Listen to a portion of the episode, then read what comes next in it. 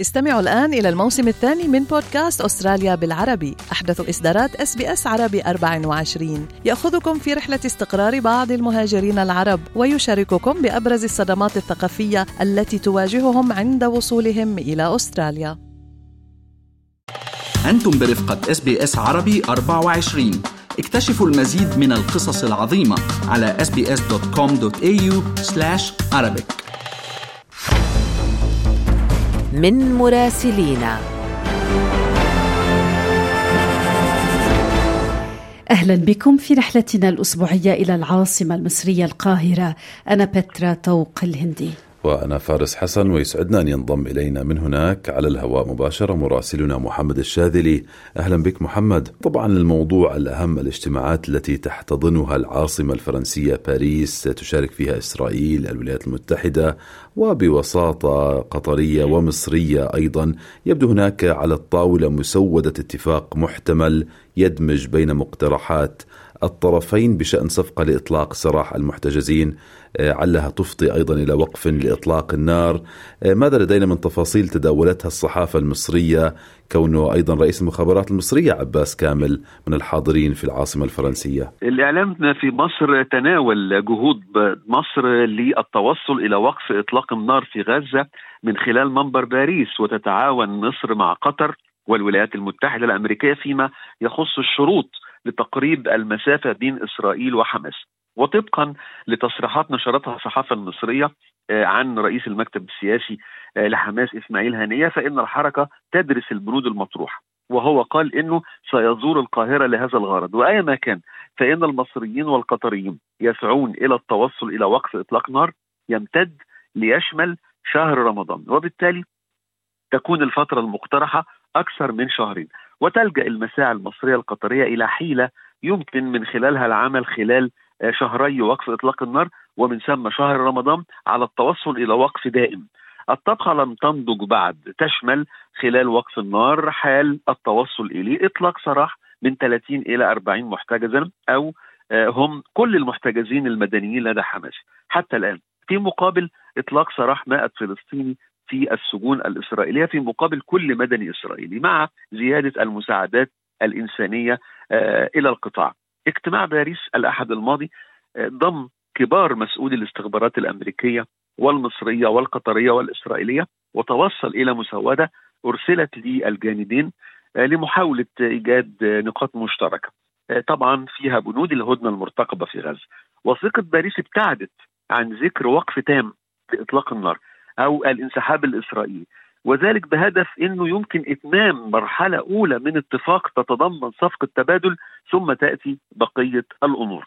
الهدنة الطويلة والتي قد تشمل كل شهر رمضان تتضمن إعادة انتشار الجيش الإسرائيلي داخل غزة وانسحابه من بعض المناطق وقطعا الصفقة بانتظار إسرائيل وحماس حيث تدرسان البنود ولم تعلن القاهرة رسميا أي موقف تجاه الصفقة التي تشارك في صياغتها. وإن رأى بعض الخبراء أنها يمكن أن تتم على مراحل. من الإعلان إلى التبادل إلى إعادة الانتشار بحيث تخلق وضعا جديدا في غزة يمكن التفاهم في ظله. سياسيا رفضت القاهرة اتخاذ بعض الدول قرارات بتعليق تمويلها لأنشطة وكالة الأونروا في توقيت شديد الحساسية، وأعلن وزير الخارجية المصري وهو يتحدث مع المفوض العام للوكالة إنه هذا التعليق يفاقم من الآثار الخطيرة لسياسة الحصار والتجويع والعقاب الجماعي التي تفرضها إسرائيل على الفلسطينيين على اثر مزاعم تتعلق بتورط عدد محدود للغاية من موظفي الوكالة في أحداث 7 أكتوبر رغم إن هذه المزاعم لا تزال قيد التحقيق. وربط شكري بين توقيت تعليق التمويل وقرار محكمة العدل الدولية لصرف الأنظار عما يجري من دمار وقتل في غزة. محمد ننتقل إلى اقتراب الحكومة المصرية من التوصل إلى اتفاق مع صندوق النقد الدولي لتوسيع برنامج الإنقاذ رغم استمرار المفاوضات، المفاوضات لا تزال جارية لزيادة حجم برنامج التمويل، ماذا لديك أكثر حول هذا الموضوع؟ الوضع الاقتصادي في مصر يحتاج إلى معجزة. الدولار الأمريكي في السوق الموازية يساوي 70 جنيها مصريا وفي البنوك الرسمية لا يتجاوز 31 جنيها. هذا الفارق الضخم الذي يعني يتجاوز الضعف حجب المصريين الحائزين على الدولار في الداخل والخارج من التعامل مع السوق الرسمي ما أدى إلى تقليص تحويلات العاملين المصريين بالخارج. هذه التحويلات واحدة من ركائز الاقتصاد المصري. مع التصدير والسياحة ودخل قناة السويس بينما انخفض دخل القناة في شهر يناير الجاري بسبب التوتر العسكري في مدخل البحر الأحمر بنسبة 42% ويمر بالقناة 12% من حجم التجارة العالمية و25% من تجارة الحاويات العالمية. وكانت شركات نقل كبرى علقت المرور في القناة وبدأت تستخدم طريق رأس الرجاء الصالح. كمان السياحة في العام الماضي حققت وقبل أحداث السابع من أكتوبر رقما قياسيا وينتظر المصريون آه، خفضا جديدا للجنيه آه، مقابل الدولار ولكن لا أحد يستطيع تصور مقداره.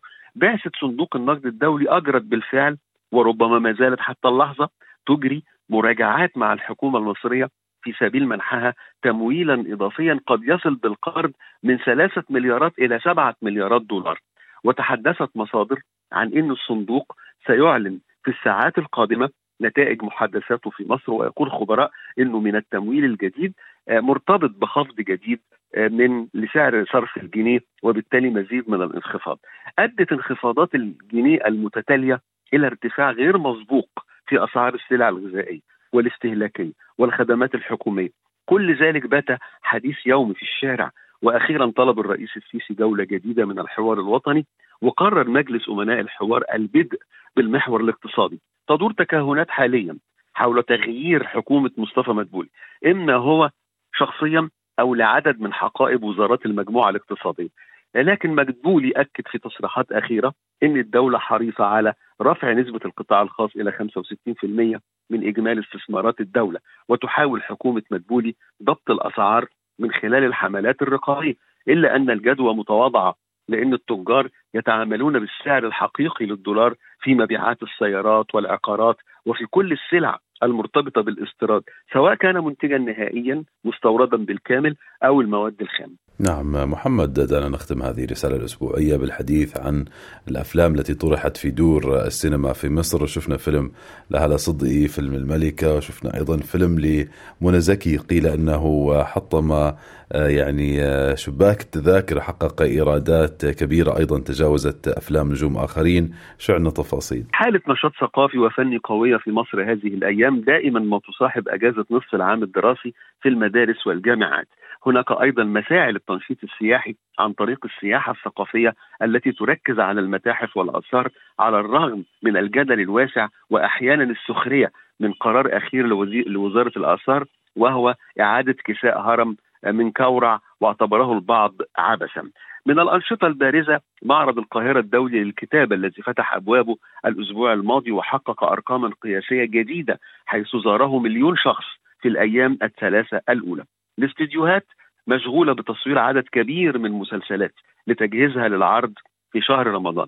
أما السينما فقد طرحت أكثر من عشرة أفلام جديدة آه، آه، خلال آه، أسابيع الشهر الذي ينتهي في الغد. ولكن كل هذه الأفلام وجدت الحقيقة اقبالا. ربما الإقبال كان كبيرا بالنسبة لفيلم منى زكي بالفعل. ولكن هناك أيضا فيلم الإسكندراني الذي عاد مخرجه المثير للجدل خالد يوسف إلى قصة من تأليف أحد أهم كتاب السيناريو في مصر الراحل أسامة أنور آه، عكاشة والبطولة لزينة وأحمد العوضي. آه، في فيلم آخر كمان وهو عصابه عظيمة وهو فيلم كوميدي لإسعاد يونس فيلم مقسوم لليلى علوي وفيلم آه، عادل مش عادل لأحمد الفيشاوي. والفيلم الذي تحدثنا عنه لمنى زكي بعنوان رحلة 404 ومعها محمد ممدوح. وبالفعل حقق إيرادات عالية هو وفيلم الأسكندراني هناك فيلم ليلة العيد ليسرى وريهام عبد الغفور نعم. وفيلم أنف وثلاث عيون لظفر عابدين وهو معالجة جديدة لرواية آه، إحسان عبد القدوس وفيلم الملكة لهاله صدقي أفلام آه، كثيرة جدا اشترك فيها مجموعة كبيرة من النجوم ومن الشباب وبالتالي وجدت اقبالا هائلا. من العاصمة المصرية القاهرة تحدثنا مع مراسلنا محمد الشاذلي، شكرا جزيلا لك محمد. استمعوا إلى آخر إصدارات اس بي إس عربي 24 على جميع منصات البودكاست. تابعوا بودكاست الهوية في موسمه الثاني الذي يروي قصصا واقعية تعكس تحديات الانتماء التي يواجهها الشباب العربي في أستراليا